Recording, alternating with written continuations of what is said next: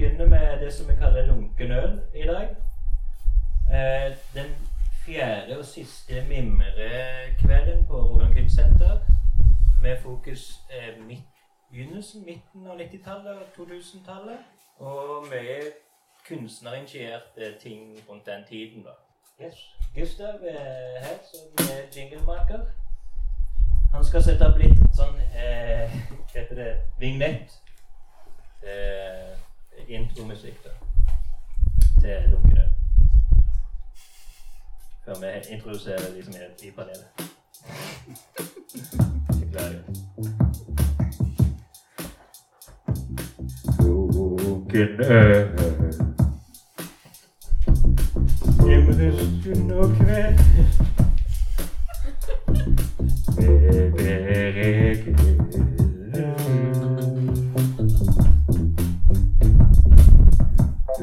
Øl. Mimrekveld. Med geregel. Ja. Det var en ganske improviserte vignetten.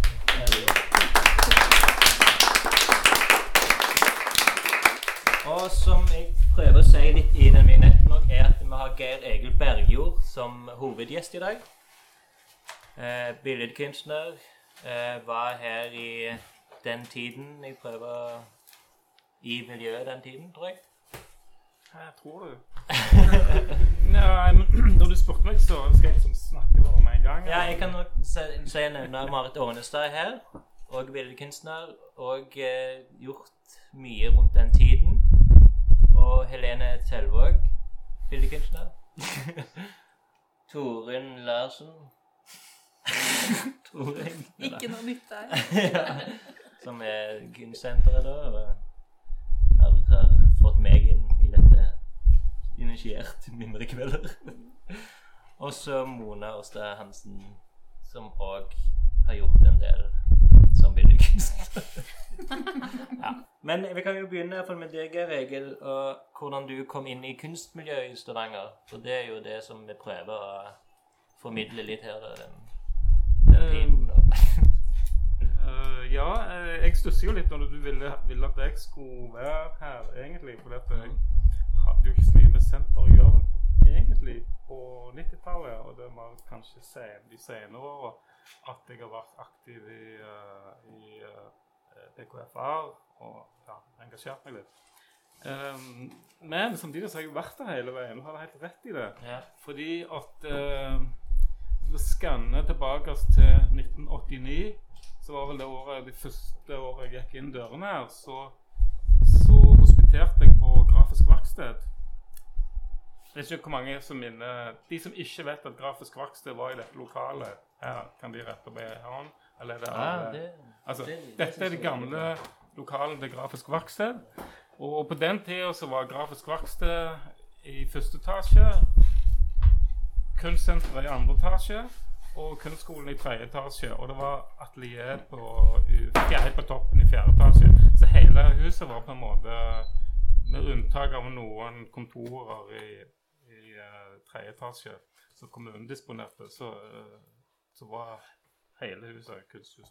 Men da jobbet du kun Da var du ikke helt billedkunstner som du er i dag. Uh, jeg hadde gått på Bergland videregående skole på tegnelinja der. Jeg hadde gått der tre år. Og det ene året så hadde vi en dag med grafikk.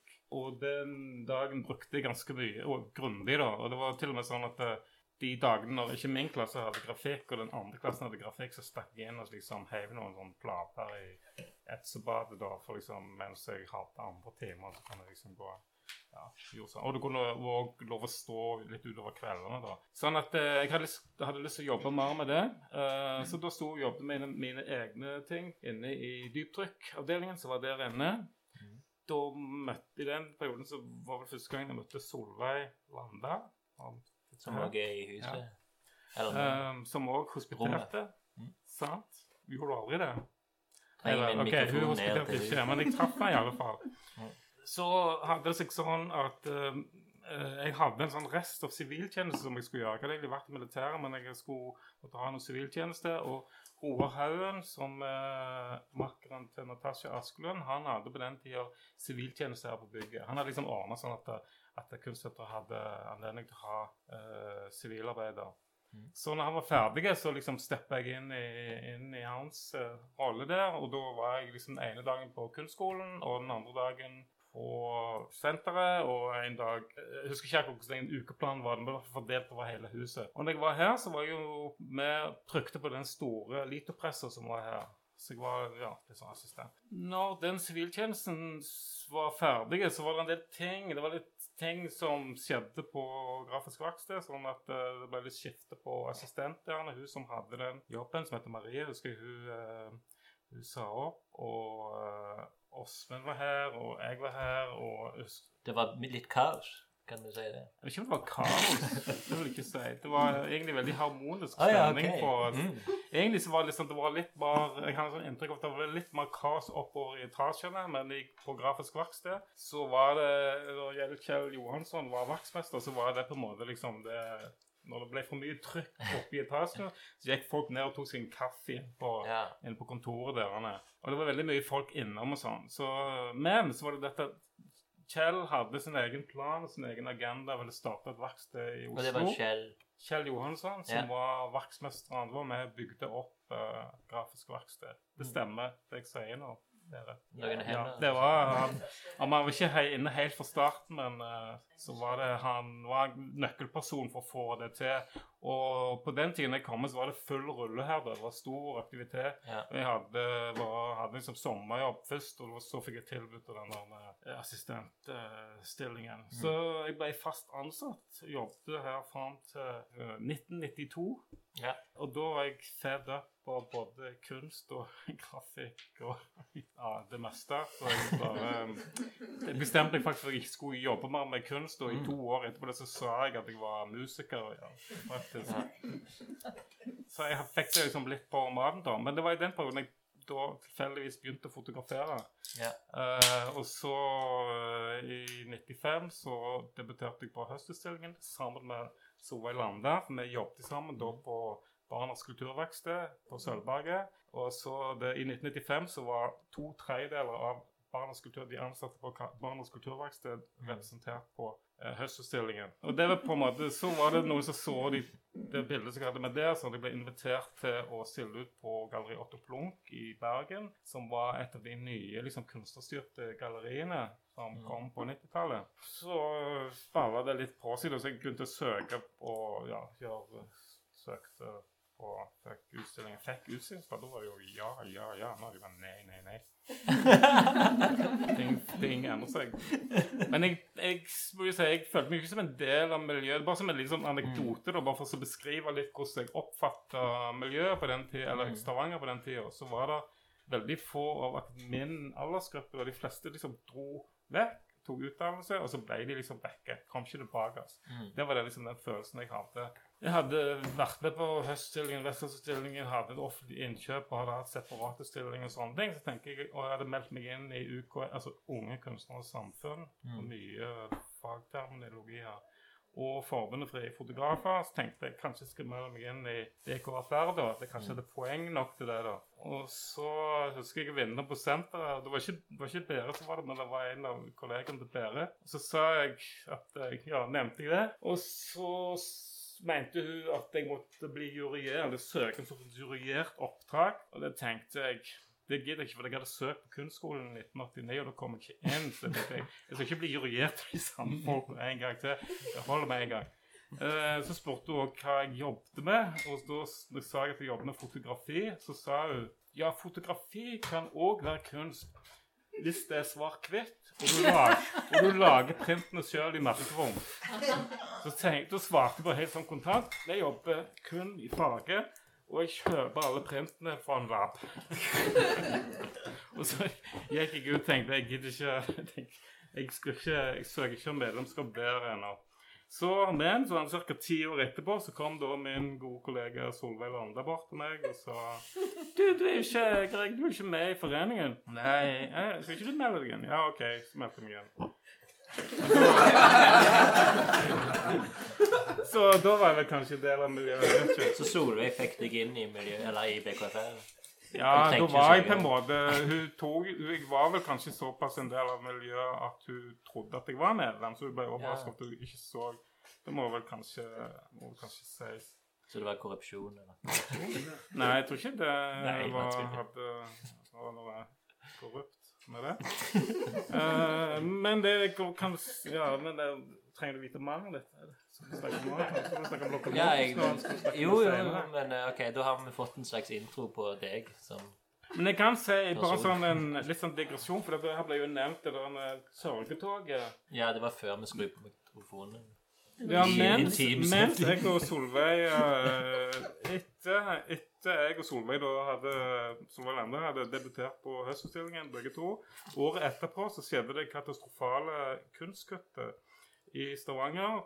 Der de la ned arbeidsplassen vår. Men vi hadde fått faste stillinger, så de måtte omplassere oss. Jeg ble omplassert til brosjyrer. Jeg fikk opp, i oppgave å lage et brosjyreverksted. Lage sånn intern brosjyremateriell for uh, Sølvberg, altså Sølvberg Stavanger kulturhus. Eh, fordi de fant ut at jeg hadde egentlig sånn grafisk formgiverutdanning. da, så det mm. jeg egentlig skulle gjøre. Jeg skulle ikke jobbe på Hans kulturverksted. Eh, og dette var da i samme renne som Galleri Sølvberget ble lagt ned. Så det var en del av det samme kuttet som gjorde at, som genererte denne sørgemarsjen gjennom Stavanger. Da BKFR eh, protesterte på det kuttet. da. Men vi har snakka på en tidligere mimrekveld om en sånn der utstilling Sevland. ja. med Sevland-portretter. Ja, det, Var det det, det den, samme? det, den, Ja. eh, den òg var, var Ja. da. For det var Nils Eger snakket jo, snakket jo om det. Ja. Mm. Så Det kan kanskje komme på en sånn liten anekdote da fra når jeg jobbet på når jeg var sivilarbeider. Jeg skal si det, for det var litt morsomt da. Det var, var en av de dagene jeg var på senteret, så fikk Jeg pleide jo ikke å lytte på Berit når hun snakket i men jeg var tilfeldigvis der, og hun fikk, du fikk en telefon. Og det hører jeg bare si at Berit sier det må være en feil. Jeg har ikke søkt om noen kulturpris. Og du fikk Ah. uh, ikke om du husker det sjøl? Nå nylig.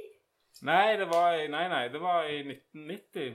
For du, du fikk en nå nylig, men du fikk òg en for uh, da. For ved Ja.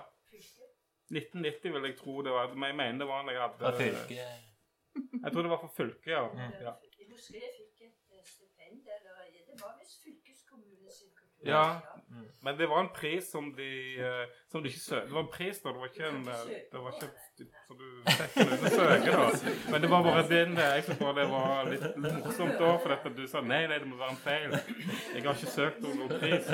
Men noen ganger så får en jo priser da, uten at en har søkt. Det er jo det beste, selvfølgelig. å få det.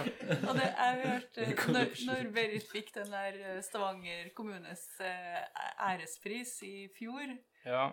Så hadde du sagt nei, det, det må være en feil. Det må være feil Berit Vatne. Hæ? Da hadde vi fått en helt ny kultursjef og han kunne jo ikke vite alt. Så, så. Så han ble Ja, men han kom-. Han kom ikke til en helt ny by. Det var jo andre som hadde lagt merke til hva du hadde gjort. Men det er en link til en slags link fra Sølvberget da, for den jobben jeg hadde der på det brosjyreverkstedet til Local Motors, faktisk. Ja. Fordi at Da kan vi du ta på den uh, Locomotives uh, Skulle nesten hatt en jingle her jeg. Oi, det er en egen jingle der. Skal jeg ikke si noe om det ennå? er det det du mener?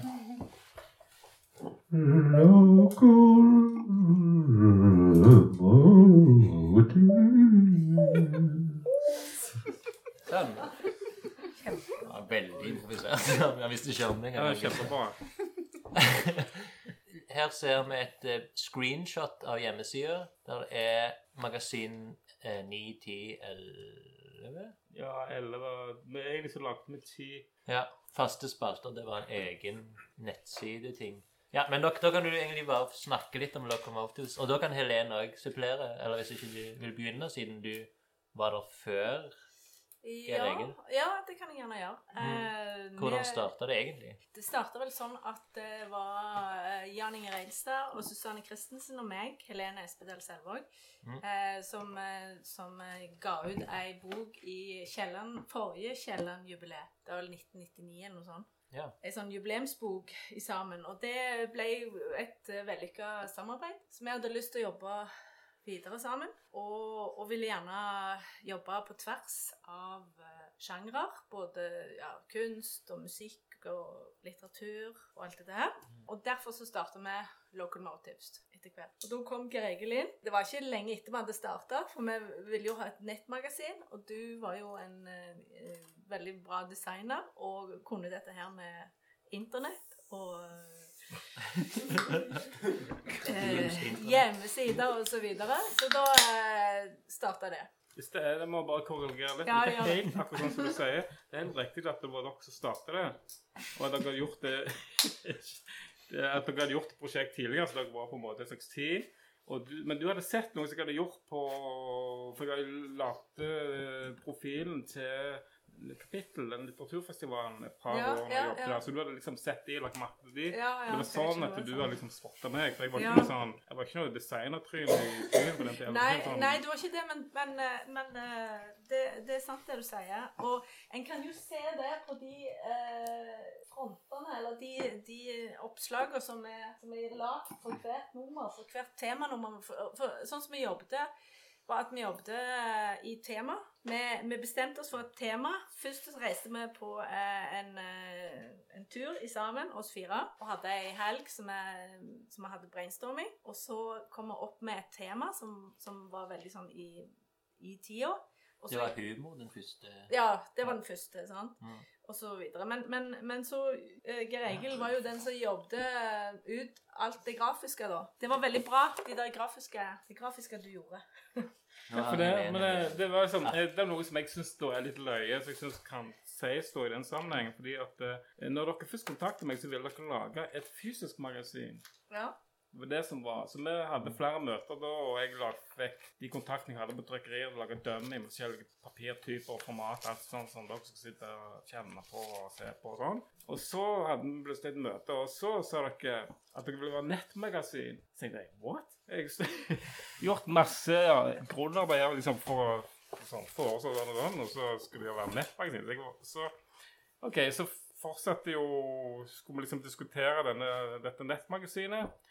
Og da, mens jeg jobbet på, på biblioteket, det må jeg gi kred til ledelsen på biblioteket, eller bibliotekene i Norge, jeg vet ikke om alle gjorde det, men iallfall biblioteket på Sølvberget, de hadde, hadde bredbånd allerede sånn 95, så jeg hadde jo allerede sittet og surfa og brukt nettet ganske mye, for det, ville de at du skulle gjøre da, folk skulle lære seg til å bruke internett på Sølvberget. Men jeg skjønte jo at dere visste jo nu, altså, jeg måtte liksom forklare at det, på nett så er det ikke liksom for, på nettsida er det ikke forsida og baksida. Jeg måtte liksom forklare at du scroller og uh, Ja, altså sånne ting. Sånn at alt som alle de når dere, eh, Alt som dere sa, bare liksom punkterte liksom punkterte alle ideene, og de ikke forklarte at det ikke ville funke. Og så Og jeg var ganske sur òg, tror jeg. Jeg var ikke Jeg var ikke, ikke, ikke, ikke noe kult det. Ja, jeg er i hvert fall så sur at jeg tenkte de folkene hører jeg ikke noe mer fra. Så jeg bare gikk derfra. Men så fikk jeg en telefon da jeg ble invitert til å være med i redaksjonen. Og det var sikkert en kombinasjon av at jeg bare ga beskjed om hva jeg syns, og om hva, om hva, hva jeg syns var feil, og sånn, og at dere skjønte at eh, jeg uh, visste mer om internett enn dere. Men jeg visste jo, jeg hadde jo ikke gjort webdesign. Jeg lærte meg jo webdesign for å gjøre local motives. ja, ja, jeg husker det var det, Mm. uh, sånn det, sånn det var. Men det, er- det er veldig bra design, og de står seg ennå, de forsidene på de numrene, hvis, hvis dere sjekker det ut. Uh, så er det ett design per nummer uh, som har en sånn gjennomgående ja, grafiske profil, da, så- som både går på innhold, og som, som liksom forplanter seg fra magasin til magasin, da. Så det, den står seg den dag i dag. Men var det Absolutt. noen eh, fysiske magasiner òg? Vi lagde ett som Ja. var i fysisk magasin. Det var litt dumt jeg glemte å ta med det, men det er et som eh, ble lagt eh, Det heter Kulturtidsskrift. Ja. Jeg husker ikke hva nummer det var da. På hvert nummer så er det utrolig mye materiale, og vi la jo opp til å ha fire numre i året. Det hadde vi de to første åra, og så ble det liksom litt Vi Vi hadde lagt ti nummer, så var det på en måte litt lufta ute, da. Pengene brukt opp, og energi eh, Det var litt sånn burnout, sånn som jeg husker det i alle fall. Og så vi prøvde vi litt å ha faste spalter som ikke funka helt heller, for det begynte å ligne litt for mye på de tingene som allerede var på nett. Og så Det siste vi gjorde, var den der én-til-én. Vi, vi lagde altså ti, ti nettmagasin, og for hvert nettmagasin så tenkte vi at vi kan ikke ha det bare på nett. Så for hver gang vi, vi releasa et magasin på nett, så hadde vi en fysisk happening. Eh, og det var Mange var her på Kunstsenteret. Noen hadde vi på Rogaland kunstmuseum. Og vi hadde alle, alle kunstformer, og vi hadde boksere, og vi hadde alt som kunne krype og gå. Eh, så hadde vi det temaet å gjøre inne i den releasen av, det tema, av, det, av de numrene. Så vi hadde ganske mye i, i sånn fysisk og i tillegg Mm. til, til, til nettet, da. Ja. Eh, og så det siste nummeret vi gjorde Altså vi hadde ti på nett, og så det siste nummeret var én til én. Og da ville vi ha det én til én. Da skulle det ikke være på nett. Da skulle det kun være live. Liksom Mm. ta på. Eh, Sånn som jeg mener det var, så ble vi invitert av Kunstsenteret til å kuratere et utstillingsprogram. Vi sammen med Molitrix, som var en annen sånn en fri gruppe, og Iola. Så vi hadde liksom tre måneder hver på en måte, tre utstillingsboker. Men vi valgte å gjøre et magasin i én til én. Det var liksom det som var etter vi hadde diskutert. det. Okay, ja. Så, Mm. så vi prøvde å lage i plass for at det var en utstilling, så var hver åpning var en event som hadde Det var slampoesi, det var de bokserne, som du sier, det var et band som spilte, vi hadde Teater. suppe. Turi var vår linsesuppe Linsesuppa di. Du var jo kjempeviktig. Du lagde suppe hver gang. Gjorde det. Lenge Jo, det, jeg, mener, jeg mener det var viktig, for det var første gang jeg så det ble servert suppe på, på senteret. Det var første gang jeg så at folk bare var der i mer enn en halvtime. At folk faktisk var der i uh, flere, flere timer. da. Mm. Jeg bare får skyte en liten kommentar i forhold til dette med, med designen, som eh, det åpenbart har glemt, men de fikk en nasjonalpris, eh, Locomotives, eh, for alle nettsider i Norge. Den, Den har Den er ikke glemt, den er her. Står på bordet. Årets Den ble eh, i Oslo, jeg har bodd i Oslo mesteparten av hele livet mitt, og Oslo ble den sett veldig, veldig høyt. Ja. Eh, Bjørn Bjerre var dere og sånne ting, så dere ble veldig mye omtalt på den siden, altså, men dere satt jo her. Takk skal du ha. Eh, Ja, jeg fikk det. Jeg har en liten til anekdote i forhold til Local Motive, som hadde denne lanseringen, da, den egentlige lanseringen i, og pressekonferanse, eller møte på journalisten, i 2000. Og det er ganske tidlig i år 2000. Eh, da måtte vi liksom forklare Vi sa til journalisten at de kunne se det over hele verden. Nei, jeg kan bare se, jeg kan bare se det i Stavanger. sier hun. Nei, du kan se Local Motive i hele verden du har internett. Altså, jeg måtte forklare Det var så Ja, det var så far-fetched var internett og World Wide Web kun i Stavanger.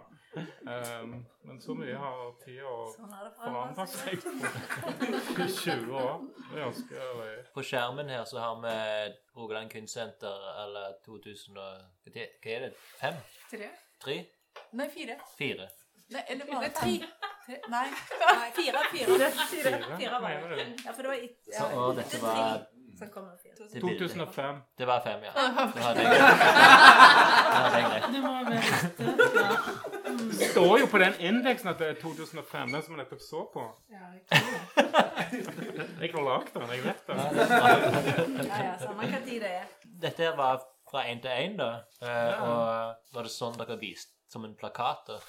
Det er et prosjekt som en eh, dansk arkitekt Dansk arkitekt- arkitektgruppe, ja. Ja, som ble invitert til å lage De lagde på en måte skallet til én til én. Ja, okay. uh, så de satte opp falske vegger som det var Først ble veggene avfotografert.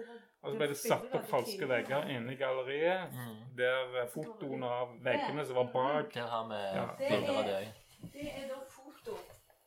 For de som hører på dette, så kan de gå inn Ja, det ja, det var veldig sånn. lunken kaffe. Og den, den eh, posteren på utsida var jo en sånn stor presenning. Det var et foto som var på, av rommet inne som var på den presenningen. Så du skulle liksom skulle Det lage illusjonen av at eh, du kunne se gjennom muren. da.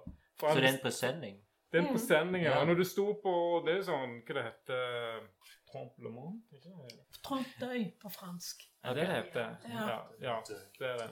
Når du sto fra denne vinkelen, så ville vinklene på fotoet stemme med vinkelen der du sto, så det så ut. Når du sto på sida, så ble det jo feil, da. Men dette er det du som sånn tok punkt- ett punkt å kunne Dette- se. Hæ? Eh, Jeg har tatt bilde av bilde av eh, Jeg har tatt dokumentasjonsbilde, ja. Det okay. mener jeg. Ja. Men jeg har ikke tatt bilde som er på, eh, på mursteinene. Dette var jo på høsten 2005, og det eh, sto på veggen ute da. Det sto lenge etterpå, faktisk. Mm. Det sto helt til Det var Trond Hugo som Ja. tok det ned og skrev hva da etterpå. Ja, okay. Det sto helt til da. Mm. Som vi òg skal snakke om seinere. Mhm. Ja, boksekamper, ja. Og der ser du det bildefotoet bak der. Men det var liksom én til én. Det var skikkelig én til én med de to bokserne der. Og så er det òg T-skjorter eh, som Ja, vi ga de vel ut med én på. Ja, alle som var med, hadde T-skjorte, fikk T-skjorte. Det sto én. Men dette var profesjonelle boksere. Ja. Ja, Representerte de noen lag, eller? Dingo, Dingo. Dingo bokseklubb, og okay. de Det var jo sånn juniormesteren, sånn Norges uh, Altså, det var bra. Det var konkurranseskikk. de fikk premie. Men de sperrer jo bare så dette. De bokser egentlig, Okay. for du har ikke lov å bokse uten at du har en ordentlig eh, Men de, de sperrer, det vil si at du holder opp en sånn eh, greie som du Ja. slår på. Men Det det lagde jo mye lyd, da. Mm. Så det synes jeg, husker jeg var utrolig effektivt. Når folk kom den kvelden, så hørte du jo lyden langt ned i trappa. Altså, når, du begynte, når du kom inn, så hørte du den der bang, bang, bang. Og når folk kom inn, så var det jo, skjønte de ikke om det var kunst, eller om det var boksing. eller Det var litt sånn forvirring da, hva det egentlig var. Om det var en performance, eller om det var Visste de det Det skulle jo være ekte boksere, det var det det var. Ja. Ja, ja. De var jo ekte. Ja, ja. Bare Der er han ene av arkitektene bak den utstillingen. Bak Ah, Der er Jan Inge. Ja. Otsama sitt år der. Helene filmer. Der filmer jeg, ja. ja.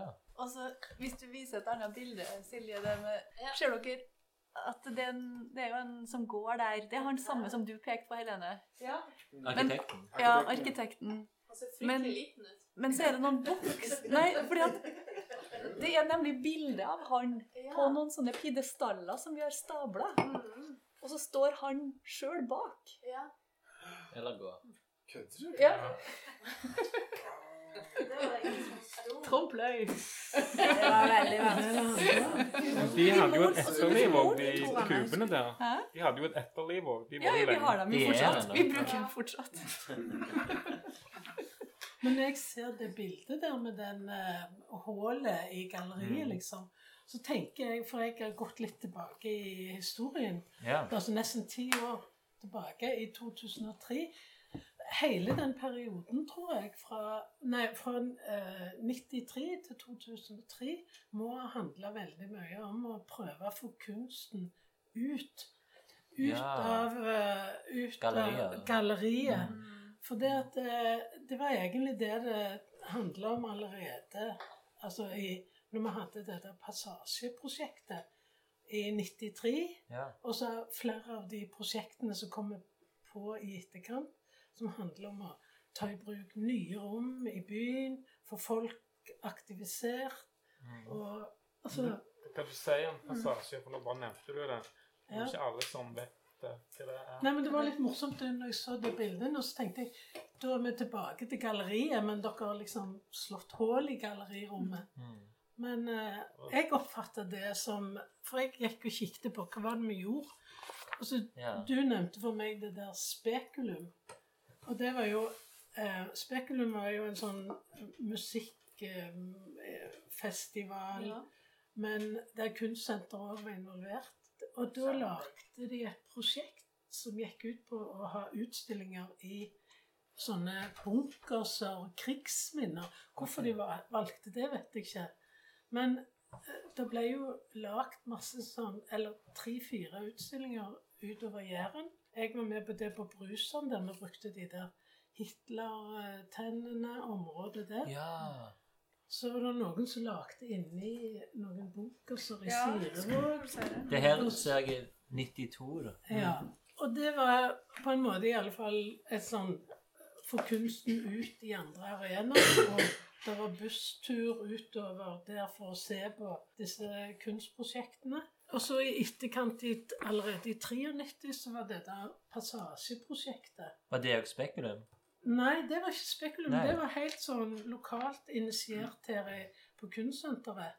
Av en gruppe folk som en del, Du nevnte jo òg det der med at det er veldig mange kunstnere som dro til akademiene. De kom ikke tilbake Mm. til byen. Men faktisk rundt 92-93 så var vi en del eldre kunstnere som var på akademi i Bergen, og så ble jeg litt sånn inspirert av hva som skjedde der. For der var det et, eh, et prosjekt som heter Mellom rommene. Som var en utstilling som foregikk overalt i byen med masse altså, Mellom rommene. Det er litt mer selvforklarende tittel. Ja. Altså, du tok jo bra bruk byrom ja. mellom de som stedene som du vanligvis ville sett kunnskap. kunstskap. Var du i Bergen da? Nei, nei, men jeg vet at det skjedde, for jeg kjente jo eh, Jeg kjente jo folk som gikk på akademi i Bergen, som var med på bodde i Bergen, og som var med på, på mellomrommene. Så derfor kjente jeg godt til det prosjektet. Ja. Nei, det satte ganske store spor i Bergen. Jeg tror det var over 50 kunstnere som var med. Og så når vi kom tilbake så hadde vi lyst til å gjøre noe av det samme. Ja. Og det var også sånn ut i byrommene og bruke, bruke mellomrom eller passasjer eller Så det var, det var en sånn eh, Vi må ut, vi må gjøre noe Ja. annet enn å Mm. være bare på kunstsenter. Selv om kunstsenteret hadde en jevn produksjon av utstillinger, så var det liksom Og så balla det på seg med å finne nye arenaer å lage utstillinger i. Sånn som det der fabrikklokalet inne i Østre bydel, da, som jo Jeg mener det var en forløper til Tau Scene sine ølhaller. Den utstillingen vi hadde der i 2000. Når Hver Hverdag. Bilder hver dag. ja, Mm. veldig kjedelig. Og vi fikk en utrolig kjedelig kritikk Jo. i Dagbladet. Ja, for han, han eh, kritikeren som kom inn der og, og, så, og så utstillingen Jeg mener jo at det var en kjempespennende utstilling. For det, Men det var hadde første gang dere brukte ølhallene? Nei, det var ikke Ølhallene. Det var før Ølhallene. Oi, det var før ølhallene? Ja, okay. det var- henne var det fysisk? Men det var i et Det var i- industrilokale, sant? Det var i Støperigata. Ja, ja, ja. I- Du var med da? Nei, jeg, jeg, var, jeg bodde i byen og var, jeg jobba på kunstforeninga. da. Så jeg husker det godt. Ja. det var- Altså, Det var første gangen vi gikk ut og henta, eller tenkte at vi skulle ha en utstilling. Og det var Mm. såpass stor utstilling. Vi hadde vært i Liverpool og, og henta inn en del kunstnere derifra. Og det, vi må ha fått støtte fra eh, kulturbyåret, altså. Jo, og så var det ikke fordi at det var det der 2000 eh, Jo. millennium Ja, ja, det er eh, kultur. At det var Ja. ekstra penger. Ja, det var ekstra penger. 2000. Det sto i den der oversikten vi så tidligere, og så var det et av de prosjektene som hadde fått, uh, fått Ja. penger. Samme som Local Motive fikk. Ja, så vi fikk penger, så vi måtte jo liksom Ja. lage noe stort òg. Så vi, kunstsenteret var for lite. ja. Det var et sånn nedlagt fabrikklokale. Vi gjorde det vel bare litt rent. Det var, altså, det var ganske Tørkelig støv. Uh, sørgelig. Men det var ganske mye spennende som skjedde. Jeg husker vi inviterte han til han eh, Ørvin Wørm. Han har jo vært på Dokumenter etterpå.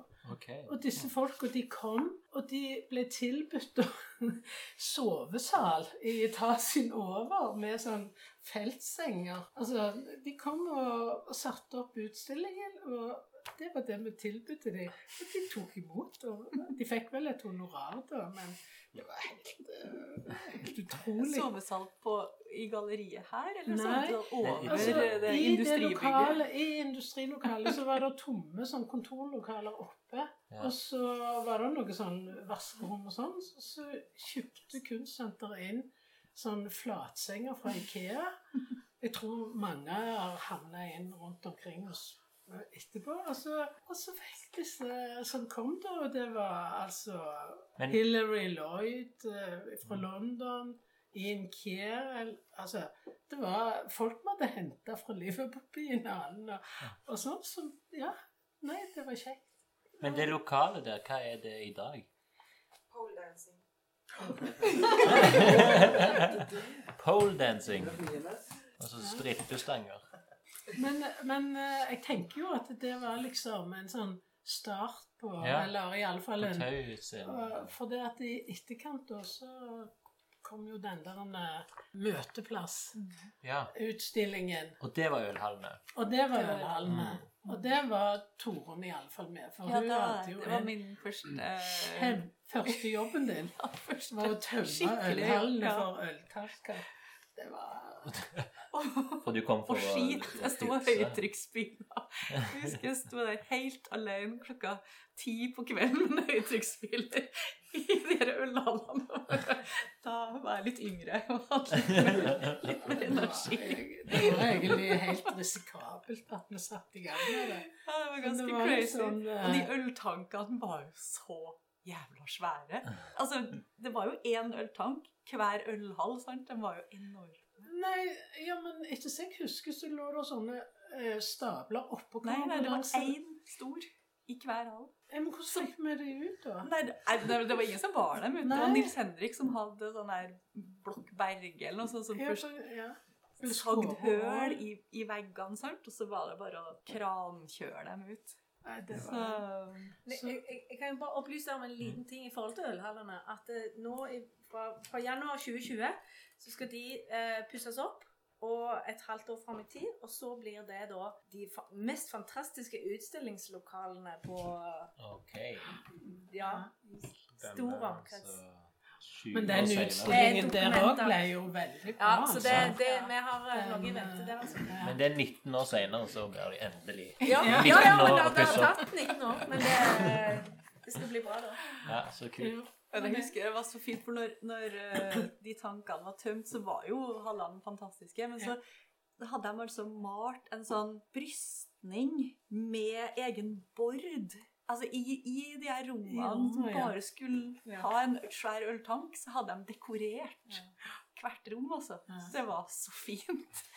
Så på den, den utstillinga der, den møteplassutstillinga, så var jo vi, vi gjorde jo ingenting med rommene annet enn få ut, få ut driten, og så lage lysrigg. Inn, Ja, inn med litt lys. ja, det var det. Men jeg eneste. husker jo det var helt stinn. Masse folk Ja. på åpningen. Og, og da var Sevland igjen. var det. ja. Sevland var jo så stolt. Han gikk rundt Jeg lurer på om han hadde dette Han hadde kjede på. kjede på solte seg. For det var jo etter at han hadde fått den der kritikken vet du, for nedleggingen to år før. Hitlerbert. Så det var helt sånn nå Fire år før. Nei, det var veldig Det var stas. Men var du kurator for prosjekt, eller? Jeg var kurator, Vi var tre som var kuratorer for denne første, den som var i Støperigata. Det var Solveig og meg og Roar som uh, Roar var ikke med til Liverpool. Han var litt sur for at han ikke fikk være med. Men, eh, men eh, vi dro bort der og, og så og gikk og, og satte sammen programmet og henta inn kunstnere. Det var en del lokale òg, altså. Det var jo eh, Thomas Hestvold og, og Ja, det var en fin utstilling, altså. Selv om vi fikk litt sånn blanda kritikk i Dagbladet, for han syntes det var vel grått og skittent inni Der Brian Catling hadde jo en performance, husker du den? Med sånn røyk og damp og Det er jo bra, som jeg sa til deg den andre dagen, det er bra å få omtale i Dagbladet. Ja. Og han du gjør, han, han, bra. Var en av mine favoritter. Han lagde sånne menneskelige skulpturer. Han, han stilte seg selv i sånne merkelige posisjoner med et eller annet rekvisitt, og så, så var han en skulptur. Altså, jeg syns han var en av de helt store. Og så han eh, Jan Steffens. Fra, han er jo lokal herifra. Jan Steffensen. Ja. Han, eh, han hadde jo lagd en sånn svær sandbåt oppe i Bergen. Altså en krigsskip som han hadde lagd som en sånn sand, altså i sand, i våt sand. Kjempesvær. Så vi trodde han skulle lage noe sånt, men han lagde et eller annet Men Jeg lurer på om han avstøping av en folkevogn. Så den var òg altså, er utrolig mange spennende prosjekter. Og for den møteplassutstillinga i Ølhallene så var det Anna Ros som var kurator for eh, de norske kunstnerne. Så det var en som het Truls Olin som var hovedkurator, og så hadde alle de medlems... Eller de landene som var med, hadde hver sin nasjonale kurator, da. Så det var jo fem kunstnere fra Dan... Nei, fra Sverige, fra Finland, fra Estland, Latvia og Litauen. Så det var et prosjekt som egentlig var initiert delvis utenfra. Ja, det var jo sånn, eh, Sånn EU-prosjekt. EU-prosjekt, ja. og så var han, eh, han over-Uber-kuratoren. ja. Han var på jakt etter en norsk samarbeidspartner. Og i alle de andre landene så var det i hovedstedene at det var en sånn vertsinstitusjon. Men han hadde ikke fått Han hadde ikke funnet noe interessant i Oslo. Så jeg, skjønner ikke hvordan han klarte å liksom spore opp. Men jeg tror han hadde hørt om Anna, da, så han tok direkte kontakt med, med Anna Ros. For hun hadde jo nettopp flytta til, til Stavanger da, fra Oslo, og hadde gjort en del spennende prosjekter i, Ja. i Oslo med sånn Men eh, eh, det må jo ha vært litt i etterkant av den der eh, Hva vi gjorde i, i forbindelse med 2000 òg, at vi prøvde liksom å komme på banen der med Mm. prosjekter. Mm. Nei, så, så var det litt sånn en boom for å komme ut. Og så var det litt sånn OK. Og dere lagde jo dette nettstedet for å komme ut òg. Ja, ja, det var mye. Det var for, om å gjøre å komme seg ut. Ut av Ja, Skal vi snakke om det navnet, eller? Du som er Vi, vi skal snart ha pause, så vi må bytte litt på mikrofoner her. Men eh, hva navn tenker du på? Møteplass? Local Motives. Nei, møteplass. Det forstår alle hva det betyr. Eh, nei, men jeg, jeg tror vi må, vi må ta en pause nå. Vi kan ta det, begynne eh, etter pausen med å snakke litt om navnet Locomotives. Jeg må ikke det. Det var bare Det er bra forslag. Eh, dårlig var forslag. Nei, for tingen er at vi skal ha Vi trenger spørsmål helt til slutt, og det har mulighet til å vinne en T-skjorte for det beste spørsmålet. Så nå har dere blitt litt kjent med Geir Egil og Marit og litt Helene og, og Torunn. Mona har ikke sagt helt noe ennå, men vi kan spørre henne spørsmål. Og så har vi en hatt som vi, vi går rundt med, og så har vi òg litt penner og papirer og lapper. Min hatt, den trenger lapper. Og lapper trenger hatt. Og for min lapp, hatt litt lapper, blir det interessant. Da blir det pause i eh, tolv minutter. Og så kommer vi tilbake igjen til hvordan Eller hva betyr, eller hvordan kom den der det navnet Locomotives egentlig? Ikke er ikke interessant. Da blir det interessant. Ok, da er vi tilbake igjen i lunken øl. Mimrekveld fire, som det kalles. Um, ja. Og da, da, da begynner vi jo først med det store cliffhangeret. Local Motives. Hvordan kom det navnet? Ja. Jeg, jeg, jeg husker i alle fall hvor vi oppfant det navnet. Og det var eh, i København på en kafé som heter Kafé Sommersko. Som ligger ja, midt i København. Eh, og da var du Var jeg med på det? Jeg var med på København i alle fall. var, var, var du med den? Men, men da satt vi i alle fall og snakket eh, og, og diskuterte hva dette her skulle hete. Eh, og og eh, altså, det var jo det der med at vi ville gjerne eh, være lokale. Men vi ville ha eh, nasjonale og internasjonale og lokale kunstnere. Men det var altså lokale motiv. Det var der det kom ut ifra. Mm. Veldig bra. Jeg var ikke med på det.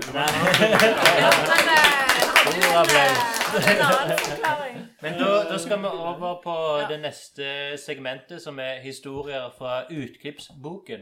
Vi har valgt et Ja, utklipp. Du kan ikke ha en uh, din. uh, Vi kan ha jingle for det. Ja, ok. Du, kan skråle, altså. Hva skjedde spennende?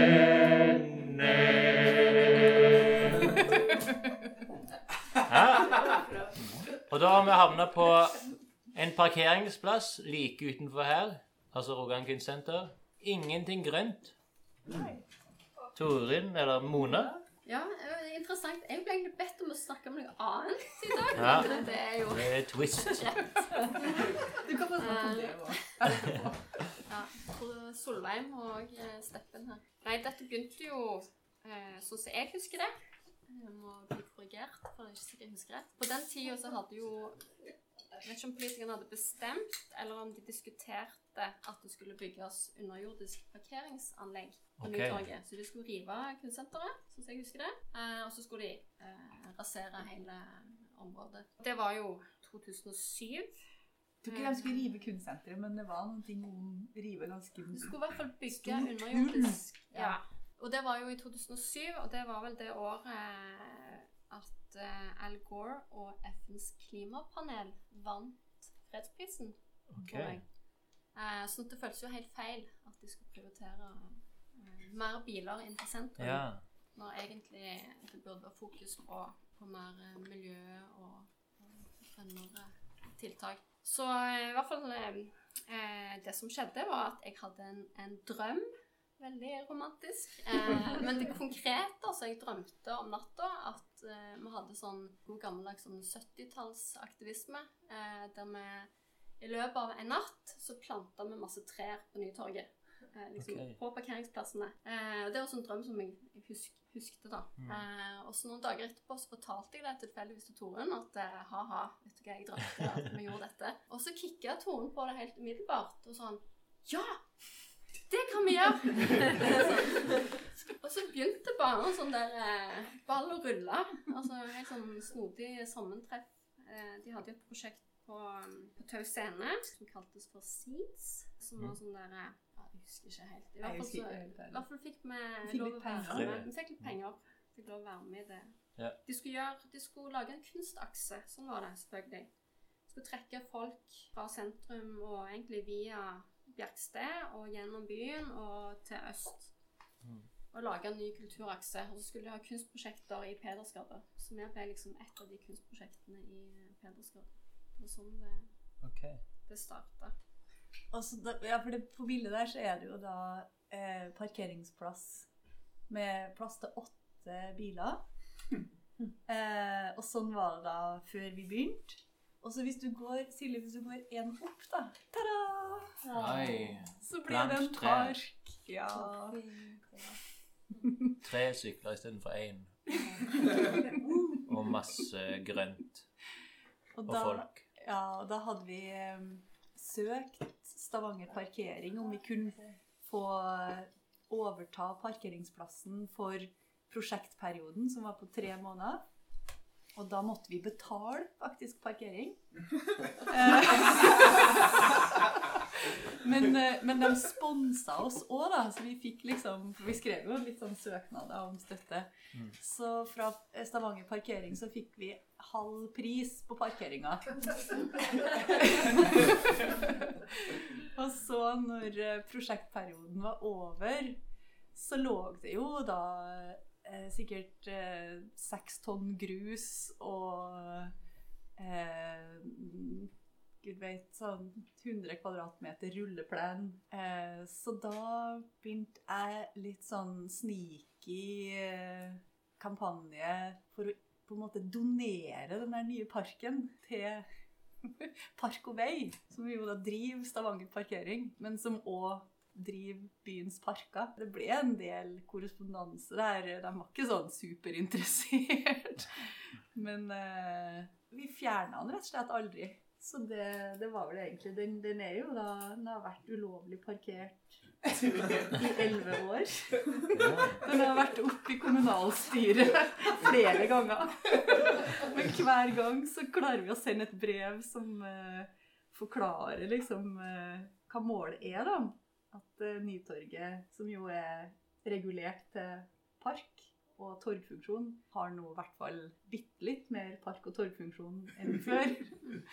Så da, da blir det stilt hver gang de tar opp saken. I begynnelsen var det litt sånn eh, tvilsomt at vi lot han bare bli der. Så, så jeg husker det. Og sånn ca. et halvt år etter så husker jeg at jeg fikk en telefon fra Stavanger Parkering eller noe sånt som lurte på om jeg hadde noe å gjøre med dette gresset eller den plenen. Så da bare en elegant sa ja, mm, du må snakke med Tone Larsen.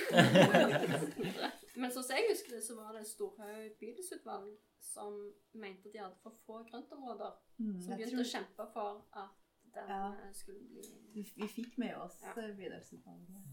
Ja, men, men det som var veldig gøy med dette prosjektet, da, var jo at det, det startet bare som en sånn nesten sånn tull, og så ble, bare vokste det vokste det. Og så virket det som der eh, snøball som bare ruller. Mm. Og det var veldig mange kunstnere som ble med i det. Altså Solveig Lande var jo én. Mm. Eh, og det bare Ja, vi lagde et utopisk bibliotek, og det var utrolig gøy å, å jobbe med. Veldig mye som gikk inn i Sikkert. Så det ble liksom mye større enn det man hadde forestilt seg. Ja, for det, litt av det kredoet var jo kunst og utopi, egentlig. Og hva er det som skal si, tilsi at, det, her- at noe er utopisk? Mm. Det er bare et definisjonsspørsmål. Og det var jo òg Det ser man ikke på bildet, men foran på framsida så var det jo Det sto noen sånne skulpturelle ting der før som ble revet. Ja. Eh, og så fikk vi opp sånne eh, plantekasser. De lagde jo du, Solveig. Mye solvei Solveig i denne. Ja. Det er bra her. Eh, Men, og der faktisk planta vi et eh, For vi var jo annet inspirert av Joseph Boyce og, mm. og denne aksjonen som han hadde i Kassel, Mm. der de planta 7000 eiketrær. Sånn at eh, vi hadde faktisk en eikenøtt fra en av hans trær som vi planta i Oi. de eh, kassene. Som en slags sånn performance, tror jeg, eller jeg husker det var et eller annet eh, Er den der i dag, Den eller? kom aldri den opp på Nei, den døde. Nei, den var vel ikke så mye liv i, kanskje. Ja. Ok, kjempe. Men da tar vi neste utklipp, tror jeg. Hvem er det? Hva skjedde? Spennende. Da har vi havnet på Stavangers nyeste kunstgalleri, som var Galleri Pissoir. Er det noen som husker noe av den? Snøfrid stilte ut der Ja. med tegninger. Og så kom det en oversvømmelse eller noe sånt. Ok. Det var jo ikke akkurat så veldig morsomt i et gammelt pissoar. Trond Borgen var inne der og skulle skrive kritikk i den eh, lukta og de omgivelsene. Lukta piss. Det var det. Han var ganske sur, egentlig, på hele opplegget. Du skulle ha vært her nå, for det var jo Ja. ikke så veldig morsomt å få den overhøvlingen. var jo ikke hennes feil. Så det var liksom dårlig kritikk pga. lukt og eh, Ja, altså, det var oversvømmelse? vel egentlig på å velge det stedet da som var så dårlig. Men, Det var men det var kunsten. fine utstillinger der. Etter Det- jeg husker det var var ikke tre eller fire? Nei, men Men det var flere. Jeg tror det var i noen år. Så ble det holdt eh, kanskje fire-fem utstillinger hvert år. ja. Mm. Som, en, eh, som et forsøk på å ta kunsten ut av gallerirommet. Ja. Hvem var det som drev det, da? Det, det var kunstsenteret. Det var kunstsenteret. Ja. Og det her er jo Dette er fra 1997, og det er jo de her som det kalles jugendmurene, som var gamle pissoarer. Mm. Sikkert Jeg vet ikke tid det var pissoarer funksjonelle. På 50 Det vet kanskje Jens. 70-tallet. Eh, de s- Etterkrigstid, og stengte de i 76. Ja, OK. Så Så det var for mye 76 stengte de, og 97 åpna de som et galleri som varte kanskje et par måneder. Ja, ja, jeg kan huske som barn at jeg har vært der og tisset. Du har tisset der! Veldig bra. Det var I veldig, urinhallen. veldig, eh, veldig bra sted for trengende, særlig 17. mai. Ja. Og da, da satt der en dame med en liten skål der. Og vi gikk inn, og det var fliser på veggene. Og, og nå, had, under denne aksjonen vi hadde her eh, på Nytorget, så var det jo åpent for at unger med voksne skulle få lov å gå inn med lommelykt og ha det som en sånn spøkelsetunnel. Og jeg gikk òg inn for å kjenne litt på det. Det var jo da gått eh, 70 år siden jeg var der sist. og, og da var jeg vel forundret over hvor Det sto bare til forfall. Det var liksom eh, ingenting. Og du kan ikke skjønne at ikke det der kunne blitt noe spennende på en måte. Det, for det er jo ikke noe lukt der hvis, ingen, hvis ikke vi bruker det som, som pissoar. Så er, men mennene gikk og pisset der, det var der det lukter mest. Mm. Det var faktisk sånn skikkelig do med trekk i snoren. Og det er allerede det. Rett etter krigen. Vannklosett. Jeg gikk på videregående, og jeg husker jo Det var jo eh, ikke 76, det var mye senere. Så jeg husker at eh, det var jo det 76, da jeg Mm. var gikk på videregående. Men dette her er da Anne Beth Meldal som har noen Det ser ut som kvinnekjønn som tisser. har hengt opp i fotografier. Jeg tror ikke er. Det ikke, er det noe annet? Jo, det er jo det. Er det det? Ja. Ja, det. Er kvinnekjønn.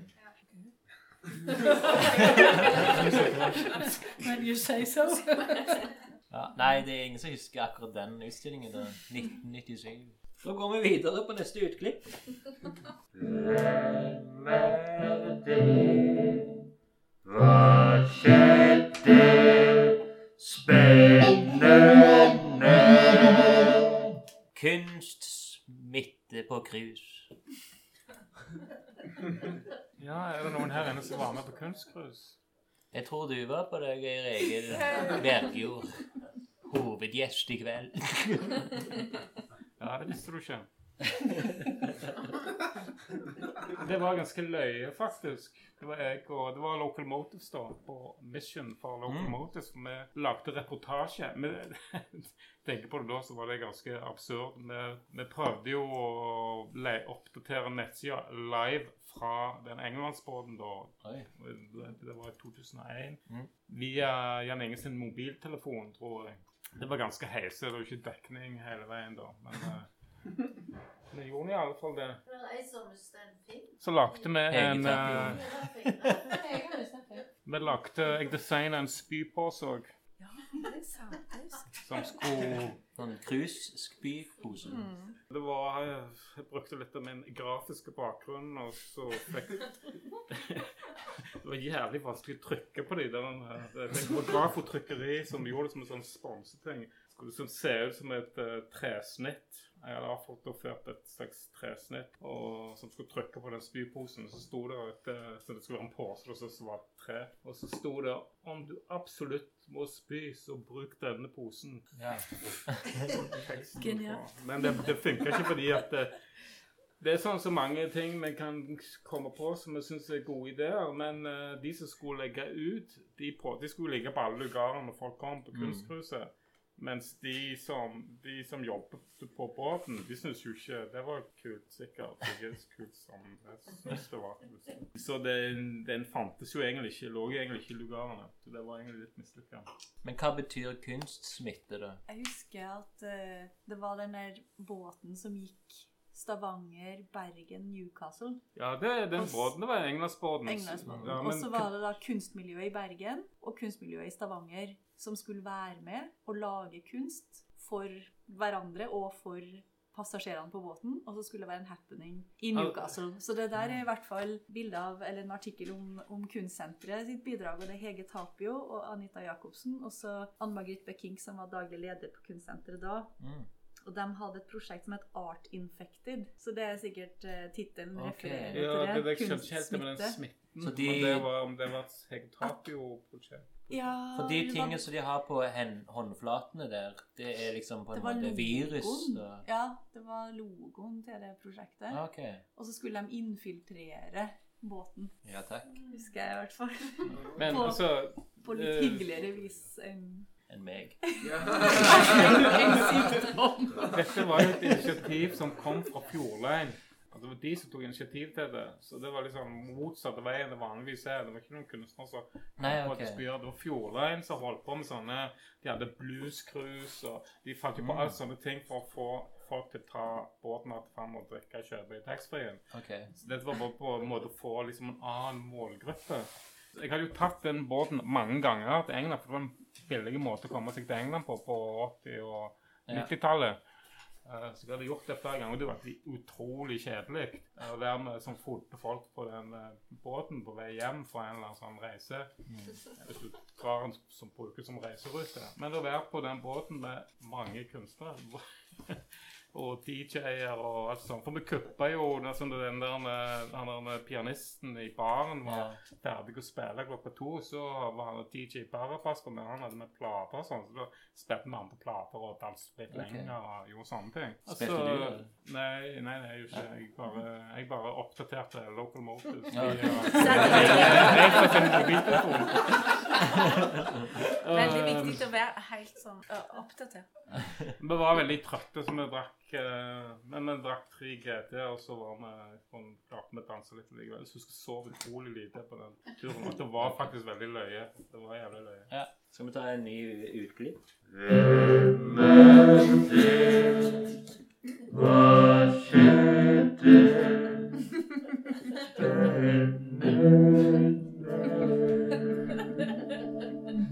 Så har vi etterpå Er det her inne, det? Eller er det liksom på, i andre etasje? Ja, plass, jo. Og dette er noe du eh, har vært med på, Mona? Altså, alle billedkunstnerne var med på det. eh, Og støtta, støtta prosjektet, sånn som jeg husker det. Men, dette, men altså, det er en, et panel, ser jeg. Dette en, ligner litt på det vi har i kveld. Bare et litt større bord. Og litt mer folk. Men det må jo sies her, for de som ikke husker denne tida, så var det jo mange arrangement som var de etterpå. Så dette er jo bare ett av de. Det Og var jeg er starten. usikker på om jeg var på akkurat dette. Og det var kjekt å sette litt for større, sånn at du kunne se hvem som faktisk sitter. Sånn refleks? Hæ? Det. Er Kvassheim, Bjarne eh, Kvassheim Ja, det- fra ja. Senterpartiet. For dette var etter Ja, 2008. det er politikere. Nei, dette er politikere. Dette er 2008. Nei, det her ja, er det er 2007. sikkert 2007. OK, ja. Og det var, og det var postscriptum Ja. som eh, Bildende kunstneres forening Rogaland og Norske kunsthåndverkere, avdeling Rogaland, tok over ansvaret for eh, å programmere kunstsenteret i 2007. Og da var du med i den komiteen, vet du? Ja, altså Der bladde jeg litt i papirer da. På forhånd i dag. Og da, det som skjedde, var vel at eh, dere la ned utstillingsprogrammet i 2007 fordi at det var så mye usikkerhet om huset skulle rives eller okay.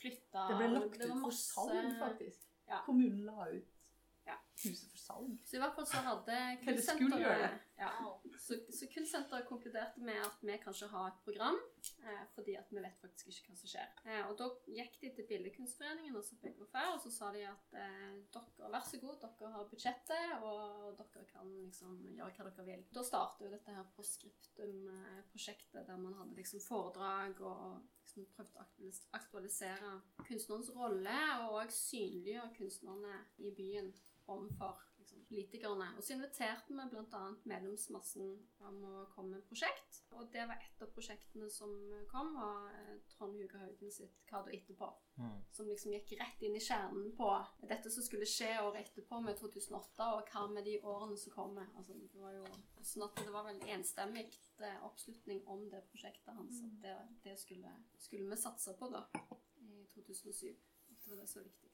For da hadde jo han bare en idé om det der. Ja. Så han pitcha det som forslag, liksom. Ja, og det ble jo altså, Det tok jo litt av. Det ble jo en vekkelseskampanje, for å si det sånn. Det var jo veldig, ble veldig stort. Så da husker jeg i hvert fall at uh, han hadde invitert til sånn uh, valgkampdebatt i galleriet, da. Så det, det er det bildet av der det er alle gruppelederne eller fra alle de store partiene som sitter og legger ut om eh, visjonene for kulturpolitikken sin. Og det var jo virkelig en anledning til å stille folk litt til vekst, i og med at det var dette her kulturbyåret som kom.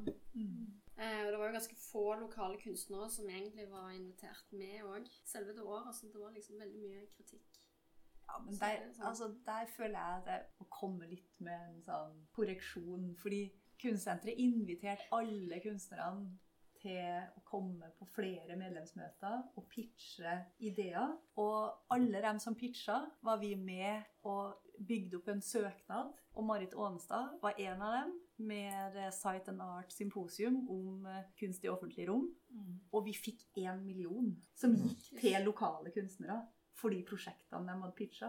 Men min opplevelse av det er ikke sånn. Nei, men det var, altså, hvor, det- det hvorfor det, altså, kom ikke kunstnerne og pitcha forslag, da? Når de ble invitert? Altså, Men det prosjektet der, det er Sight and Art Symposium. Jeg er veldig stolt av det prosjektet. Ja. mm, det var Og det, ble, det var egentlig kjempeflott Uh, symposium hadde i to dager med uh, altså Vito Aconsi, Alfredo Jahr Masse viktige folk som kom. og Vi snakket om hvordan kunsten kunne brukes i offentlige rom. Og, og vi hadde koret med oss, og, og sånn. Men vi jobbet så jo nesten i hjel med å lage et program som var mye større enn det. Vi ville lage vi ville invitere til eh, konkurranse om stedspesifikk kunst. Og vi ville ha jury til å avgjøre og vinne vinnerprosjekter. Og der skulle lokale folk kunne være med, osv. Så, og så, videre. så ble liksom Det skrumpa veldig inn til bare det symposiet. Selv om, eh, vi la ned enormt mye jobb i det, så, så var jo liksom ambisjonen om å aktivisere flere kunstnere lokalt var jo hele veien under. Men det greide vi ikke. Vi, vi fikk til dette, som var et to dagers arrangement som var øh, kjempeflott. Men, men i etterkant så kan du si at eh, både og Jahr var jo her og lagde et prosjekt for eh, byen om dette med eh, ild, og det ble jo Det ikke ble aldri realisert. Nei. det. Nei. det var et kjempefint prosjekt. Og Vito og Konsi var jo med i konkurransen om Konserthuset. Og det amfiet. Og lagde et kjempeflott prosjekt der. Tenk på hvor flott den amfiet kunne vært hvis han hadde fått realisert det. Men der òg var vi Vi var nok ikke proffe nok til å fylle opp prosjektet. For det at eh, han muligens han hadde misforstått innbydelsen, så han hadde jo et økonomi på det som var helt beyond uh, hva, hva kommunen kunne akseptere. Og som jo fort det der rockelet av ei trapp utenfor konserthuset som jeg syns er helt, helt forferdelig. Så at det var så mange flotte ting som skjedde, og som uh, Men jeg, jeg husker i hvert fall Anna Ros. Hun hadde et, eh, Ja. et stort prosjekt, og det var involvert vel Tove Komdal og Susanne Christensen, Anne Klovning, Kenneth Varuppe i hvert fall, som jeg kan komme på. Og så husker jeg Snøfrid og Turi. Dere hadde et prosjekt, det der eh, bro broderiprosjektet, sant? Ja, men det hadde ikke noe med det Jo, det var det samme. Jeg husker dere pitcha det samtidig. Og, det, og da skrev jo en søknad, men det, akkurat det broderiprosjektet, det ble på en måte tatt inn i det der Arts and Crafts-prosjektet. Og det samarbeidet mellom Skottland og Norge. Jo, det var det samme. Nei, for det var Nei, det var hun, nei, det var hun her eh, var ikke med på det med Skottland og Norge. Nei, men det, det, kom, det kom fra det.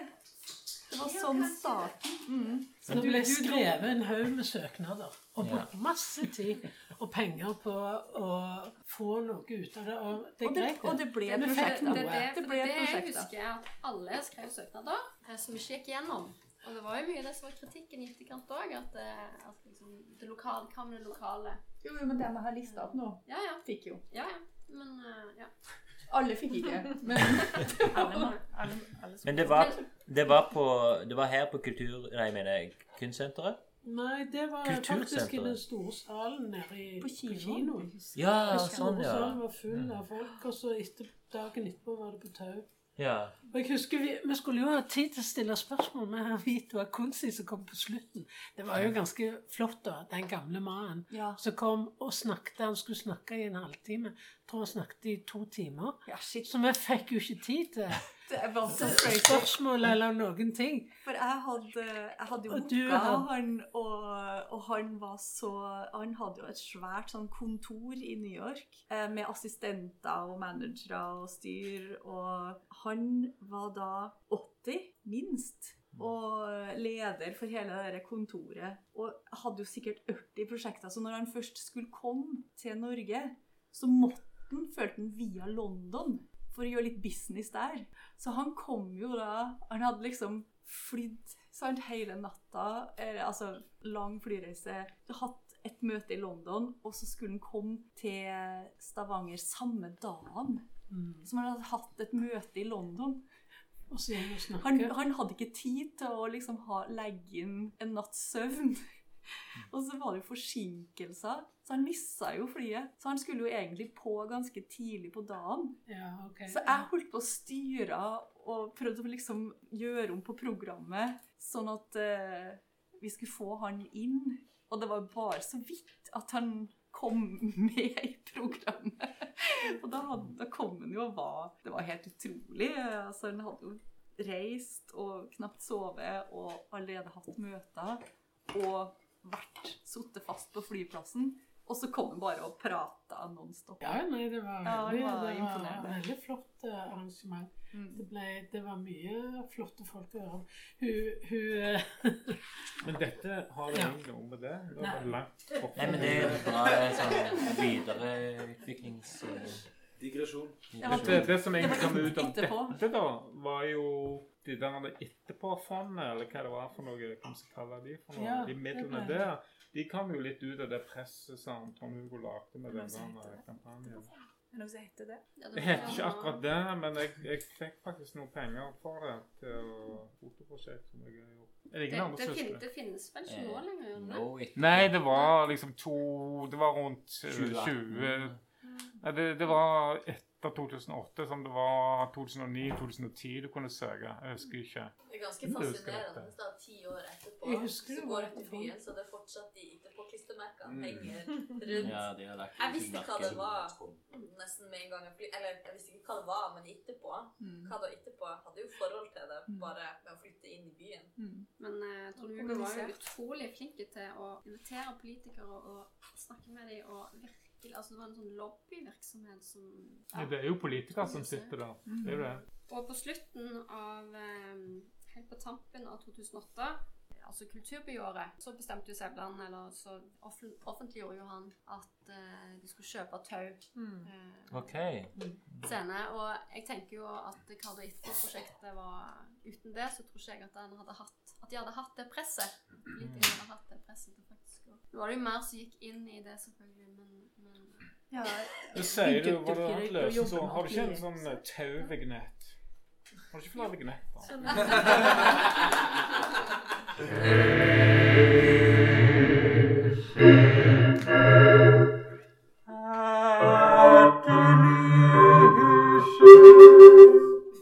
Men du, du må ha en i kombinasjon med atelierhus. Det var det. Det var, ja, det ble det. Ja. Sa du det? er moderne lyd. Eller 90-tallslyd. Det er noen andre som kan si mer enn om meg, men uh, i alle fall den tidsspennet som vi snakker om her, 90- og 00-tallet, det er jo de 20 årene det tok å få det. Det var utrolig lang uh, kamp. Så det er ganske mange, uten at jeg har sett alle de Alle spørreundersøkelsene vi Ja, svarte men, det, men jeg tenker på de som en, uh, fagforeningen har for hvert år. Handlingsplan. Så jeg Mm. Atelierhus var på handlingsplanen til Bildende kunstnersforening i Rogaland uh, ja, hele 90-tallet, hele 00-tallet fram til 2012 eller 2013. Mm. Er det noen som har kommentarer? Nei, men det var, jo et, det var jo et press hele veien, og vi for jo rundt og lette etter lokaler, og en stund så var det ute i Hillevåg. Veldig Altså, vi, vi prøvde å finne kommunale lokaler Mm. og si her, her, her kan vi være, her kan Ja. kommunen gå inn. Og, og hver gang liksom så fikk vi det ikke gjennom, men vi kjørte, vi hadde sånn et trykk på. Mm. Og det siste var jo rett før Tau, det var jo den eh, skolen i Østre bydel der, som var veldig aktuell. Den var- gutteskolen? Eh, ikke Johannes læringssenter, men den eh, Var ikke det? Var ikke det gamle Johannes? Det gamle Johannes. Johannes skole, ja, som Mm. sto tom. Jeg tror nok det òg betydde litt at vi hele veien hadde det presset på at Mm. ja, men dette, da? Hvorfor kan vi ikke få det? Ja. Og hvorfor kan vi ikke få det? Og vi dro jo rundt og på flere eh, sånn turer opp til Trondheim og Bergen og viste atelierhus og andre plasser og sånn. Mm. Men jeg tror nok det òg lå unna, altså. Etterpå. Eh, Det var jo flere Jeg må jo si òg at uh, Tove Kumdal var styreleder i BKFR i 2007, og det var jo under dette her Altså før Kard etterpå-prosjektet. Og hun satte jo i gang virkelig eh, den Atelierhus-saken da. Mm. Fordi eh, Roar Haugen eh, hadde vært styreleder i BKFR før Tove. Og han hadde jo bestemt seg for å bli venstrepolitiker. Så han tipsa Tove om at eh, politikerne i bystyret så har de noe som heter Politikertorget. Mm. Eh, og der kan du komme og fremme dine saker. Mm. Og da, det husker jeg at da fikk Tove sånn blod på tann. Så da liksom begynte det å virkelig Ja. Skal bare baluba om det. På nytt, da, selvfølgelig. For det hadde jo vært eh, Men så lå det jo òg det der med Østre bydel. Altså utviklingen. Det var jo en sånn Urban sjøfront var jo veldig aktiv i å få eh, omforma denne bydelen òg. Og de satt, med, satt og så på denne store eiendommen, hva de skulle bruke den til. Så veldig mange ting klaffa veldig bra. Altså, men, Til slutt. Til slutt, ja. Men, Etter fem år. Eller ti. Nei. 20. 20. Nei det var Så nå er det bra. lykkelig. Det sitter iallfall tre i panelet her i atelierhuset. Men det er ganske unikt, altså. Ehm, For noen år siden så ble vi i Atelierhuset invitert til et seminar som UKS eh, arrangerte i Oslo. Der Mm. vi ble brukt som sånn case, altså Atelierhuset her som en case på hvordan de kan eh, Så derfor jeg kan en del av den historien. For da måtte Mm. vi virkelig gå og se hva skjedde egentlig. Så det var en lang prosess, altså. Ja. Men, eh, Ja, utrolig ja. mange. Mange som har kjempa for det. Mm. Men det var mye mobilisering på slutten. Jeg husker jeg, jeg satt også i styret da når vi det ikke egentlig helt var bestemt. Tau var på en måte kjøpt og sånn, men om atelierhuset skulle være der, og om det skulle bli det som faktisk får det til å bli, at det ikke, at det ikke var på planleggingsstadiet ennå, det kunne det jo vært òg. Ja. Ja, det var jo den basecamp. Men da, det var, inn. ja. Og det var Og vel viste igjen at det kunne brukes. Det var vel òg en sånn mm. press på å bevilge penger. Mm. Så var det faktisk at kunstnerne forsto at de måtte drive lobbyvirksomhet. Eh, Det var viktig. Mm. Så, og det tror jeg den kampanjen til altså hva det etterpå var med å vise hvor virkningsfullt det var. Det var litt avlatt for kulturbyåret. Ja, jeg tenker det. Jo, men du har helt rett. Jeg tror at vi som var litt eldre, vi var litt mer sånn Lagde demonstrasjoner og lagde liksom barrierer, mens Trond Hugo og de unge var mye flinkere til å eh, ja, snakke med politikere og få de i tale og få input på den måten. Vi var nok mye mer eh, sånn det Vi vil ha Sørgetog og sånn. Ja, sørgetog og demonstrasjoner og ja, da, så noe Ja, det må jeg bare ta til meg. Det. Ja. Men da skal vi gå videre til Nå har vi fått en del lapper, tror jeg, i hatten. Så spørsmål fra hatten skal vi ta opp. Og da er det vignett. Eller?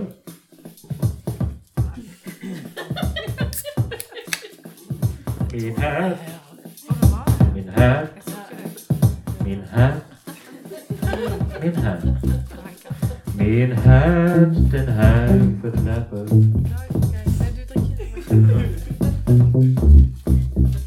Og lapper Kom igjen, Espen! Min hatt, den har på lapper. Og lapper skal trekkes ut. Og fins det lapper i hatten vår? Ja, det skal vi finne ut. Ja, det skal vi finne ut.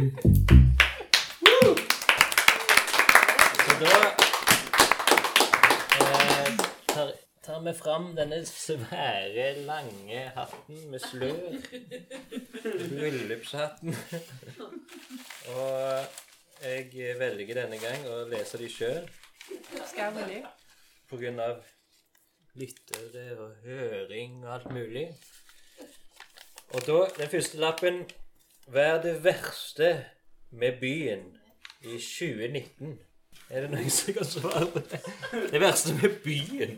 Altså Stavanger. Jeg kan si at jeg har skrevet det spørsmålet. Men det er jo det er konkret til, til denne undersøkelsen i 2005, eller hva tid det var. Ja, Så, Stavanger-undersøkelsen. så var jo spørsmålet hva er det verste med byen? Ja, Ah, sånn, ja. For de som husker det, så var det Ja, masse så på Jeg har jo lest dette nå Ja, ja. Og der er det masse ting som blir lista opp. Og spørsmålet er jo om hvis man husker det, om noen av de tingene er de samme. Er noe blitt bedre, noe blitt verre? Jeg husker ikke hva som står på den uh, Men lista. tar fritt ut ifra det dere tenker sjøl. Hva hater dere med byen Stavanger? Hva mener det som gjør- får deg til å få lyst til å flytte fra den byen? ja. Alle er glad i byen. ja, jeg tror vi må ta et nytt beklager, Kjetil. Jeg vil ikke si det. Du har T-skjorten fra før av. ok. Neste spørsmål. Kan dere utdype litt om Barnas kulturverksted?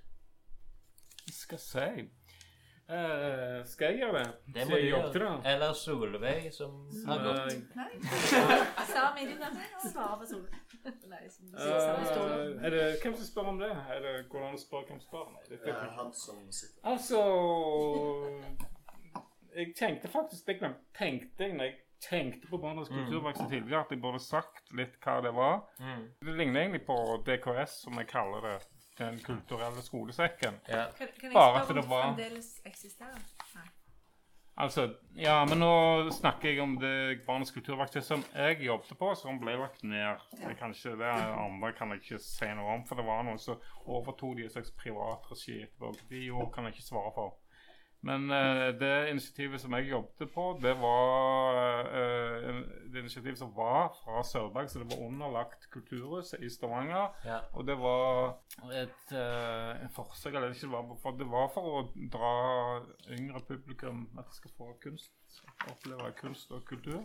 Mm. Så vi hadde alt fra barnehager, barneskole, ungdomsskole og videregående skole inne til å gjøre sånn. vi pros prosjektperioder, da. Det- Vi hadde tegneserieverksted, f.eks. Da var de på en eller annen sånn eh, det høres så lamt ut når jeg sier det, men det er en opplevelsesutstilling.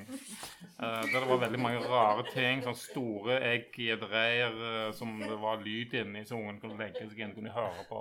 Altså den type store huler du kunne gå inn i. Sånn, med litt sånn overraskende ting. Altså, så, var, så de hadde liksom input da. Så utstilling. Det, og så skulle de liksom gjøre noe um, etterpå. Vi hadde òg um, Vi besøkte òg Galleri Sølvberg, som lå på toppen. Så f.eks. på installasjon.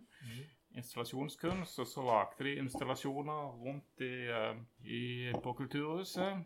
Ja, det husker jeg veldig godt uh, at eh, en gang så lot de sikkert få litt for frie tøyler. Da. Så en gang så sto de som malte da, nede i en av de, de derne trappenedgangene på utsida.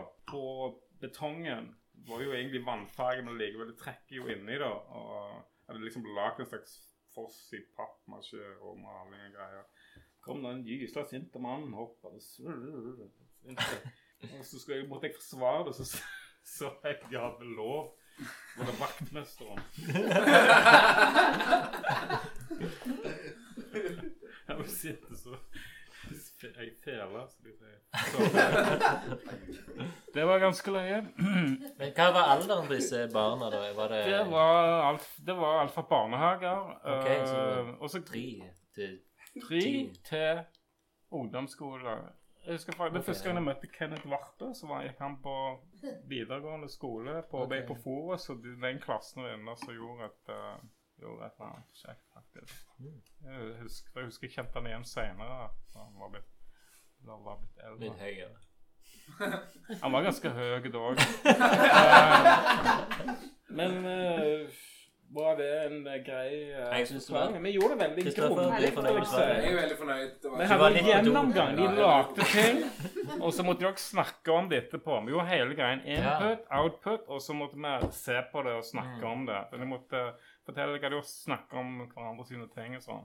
Så det var, som regel sånn tre timer, da. Ja. Og det kom fra hele Stavanger kommune, da. Det var noen skoler som var flinkere til å komme og besøke oss, og enn andre, selvfølgelig. Det så du veldig Du lærte jo litt om forskjellige skoler, forskjellige lærermiljøer. Det var, da måtte jeg lære meg å snakke høyt, husker jeg. Oi. For å få ungene til å høre etter. Det har jo du òg lært, har ikke det? Jo, jo. Med deg. Men Med deg. ok, neste lapp. Er kveldens opptreden enda en bekreftelse på at dere faktisk har blitt kunsteliten? Du begynte å lese den før du hadde åpna den, gjorde du ikke det? Hva mener du? Nei, jeg mener det at Nei. Er dette òg deg? Jeg skal bare med rødt, så det er ikke meg. Um, altså, Kunsteliten, hva, er, hva betyr det? Og hva er kveldens opptreden? Er det meg og Gustav sin jingle? Enda en! Det er egentlig veldig gøy. Enda- en bekreftelse. Hva de andre var Hvis vi er som. Jeg tenker, Det må jo bety deg og Gustav, Espen. Det er jo Fordi alle har jo ikke vært der før. Nei, det er sant, det. Så det er du som svare på det. Og deg, Toren. Altså, jeg er jo kunsteliten. Ja, det er jeg. Det Såpass Jeg eh, syns noen bør har ta ansvar for å være kunsteliten. Jeg er faen så drittlei av at det ikke er noe jeg skal Jo, men jeg jobber jo på en, en Ja, av de finans, altså offentlig finansierte kunstinstitusjoner. Så det er klart at jeg ville ha vært idiot hvis at jeg ikke innrømte at jeg var del av den der kunsteliten, hva det nå enn betyr. Er det Ja, men da stemmer det ikke helt med faktisk har blitt. Jeg er liksom litt for gammel det til må faktisk det- har blitt. Å, oh, faktisk har blitt, ja. Det faktisk har blitt. Sånn imot formodning, eller Ja, ok. Det er mye som må defineres her. Hva, først hva Er det viktig å ta det i verste mening? Hæ? Det er ikke mitt spørsmål, men, men, eh, men er det Føler dere at dere er kunstlite? Meg og Gustav, det er det. Ja, eller generelt. Over hele spekteret, tenker jeg da. Absolutt ikke, for, for å svare for meg sjøl. Hvem er det du tenker på? Nei, det er ikke jeg som har spurt spørsmålet, så Men jeg ikke, ikke alle Er den personen har, har den personen Nei, jeg er kunstnoob, så jeg eh, ikke. vet ikke. Kunst hva? Ja, eh, begynner. Altså, det var jeg som stilte dette spørsmålet. om- Altså, jeg- Watch your step, sier jeg. Plutselig er du faktisk kunsteliten. Kunstlite.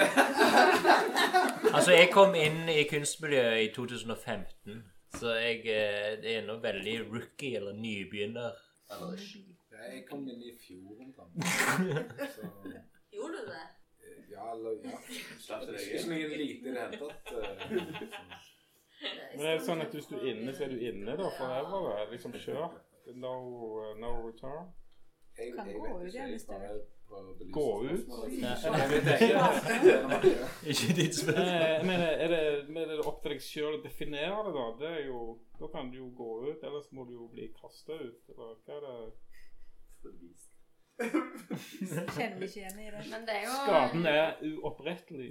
Hva sier du, Mona? Mona har noe Nei, bra å si. jeg, ja, altså, jeg er liten, det syns jeg er veldig fremmed uh, ord å tenke sånn. Men det som er på en måte fordel, og kanskje kan være òg ulempe med å være kunstner i Stavanger, er jo at hvis du er bare litt engasjert, eller egentlig bare er til stede, så blir du jo involvert i nesten alt. Plutselig så sitter du i styret her og der og Mm. overalt. eh, Og er styreleder et eller annet sted. Altså, du, du blir jo I hvert fall var, sånn var min opplevelse når jeg kom tilbake til Stavanger, at det var veldig lett å liksom komme inn i et Ja. sånt miljø. Folk vil ha deg. Eh, Og så blir du kunstelite, da.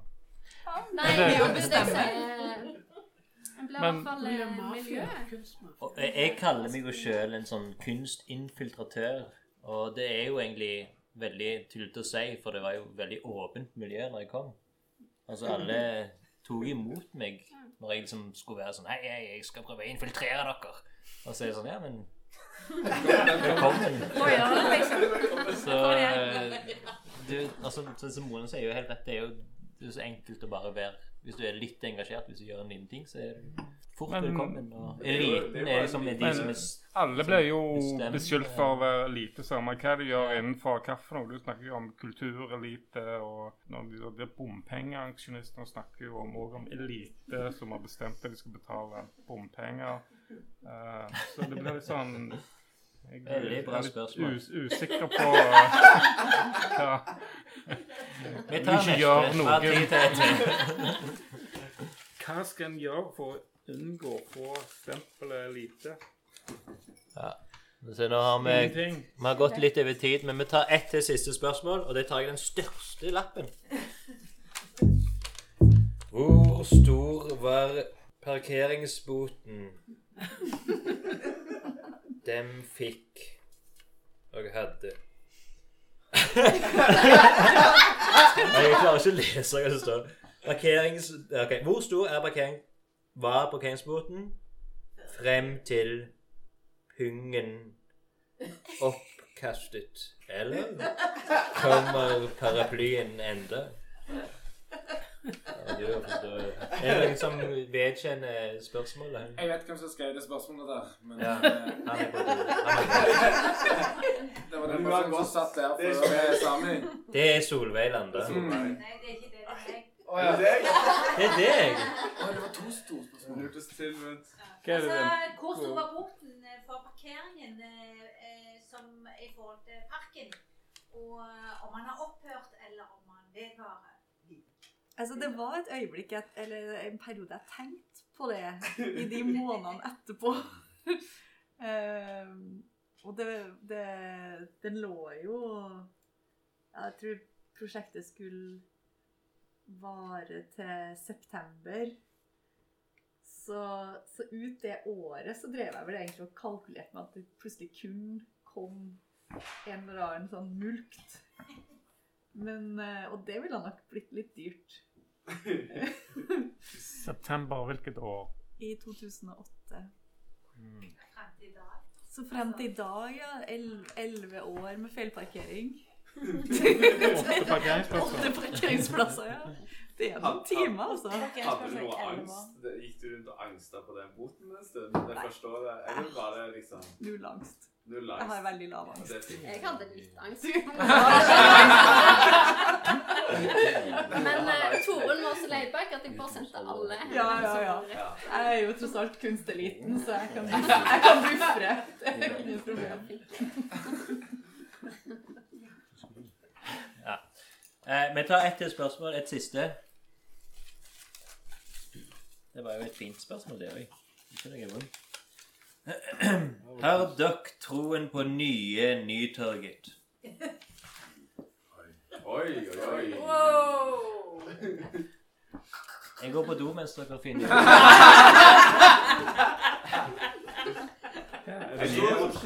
jeg tror Torunn, har du troen på nye nysager? Oi! Ja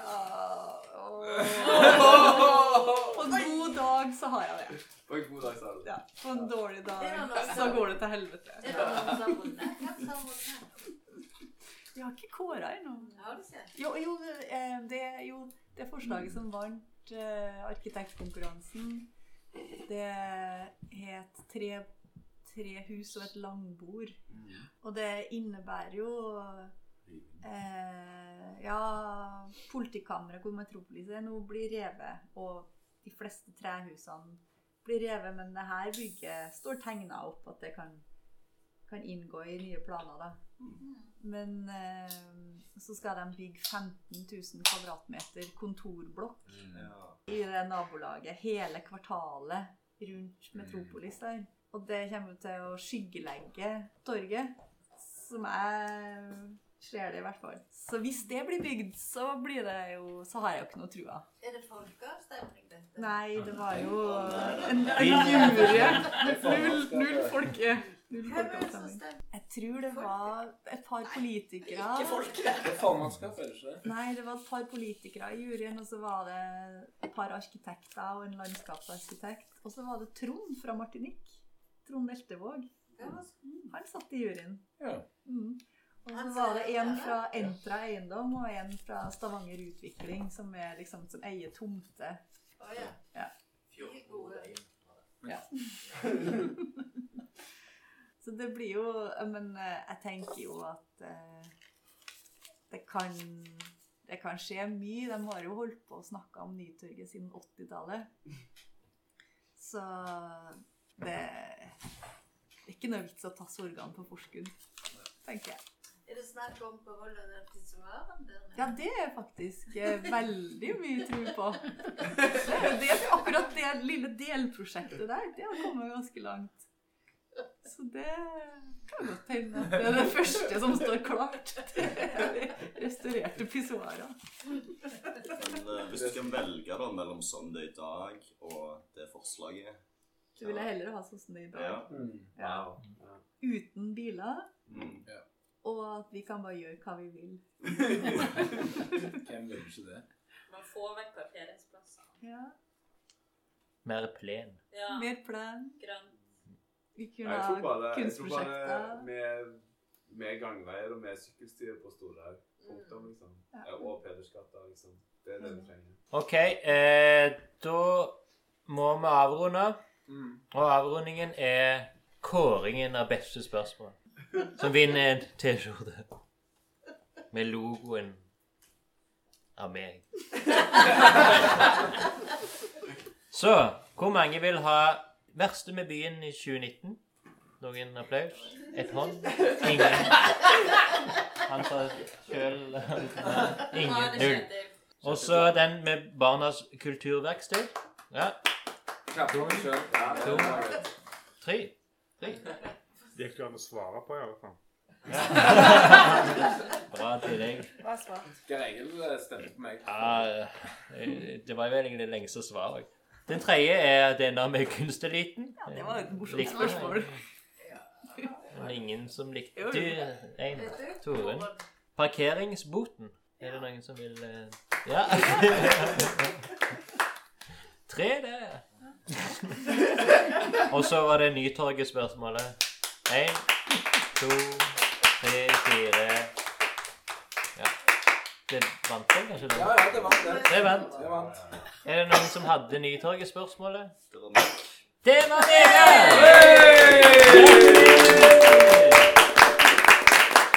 Så avslutter vi kvelden i dag med å si tusen takk til alle som kom. Og en litt vemodig ut-jingle.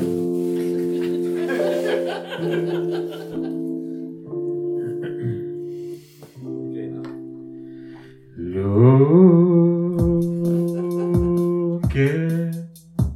nød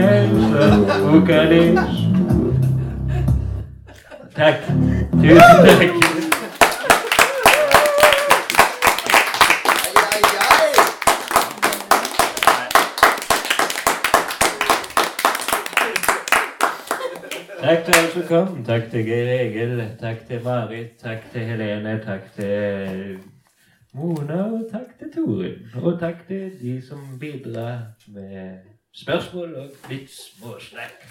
Takk til Espen. Takk til Espen!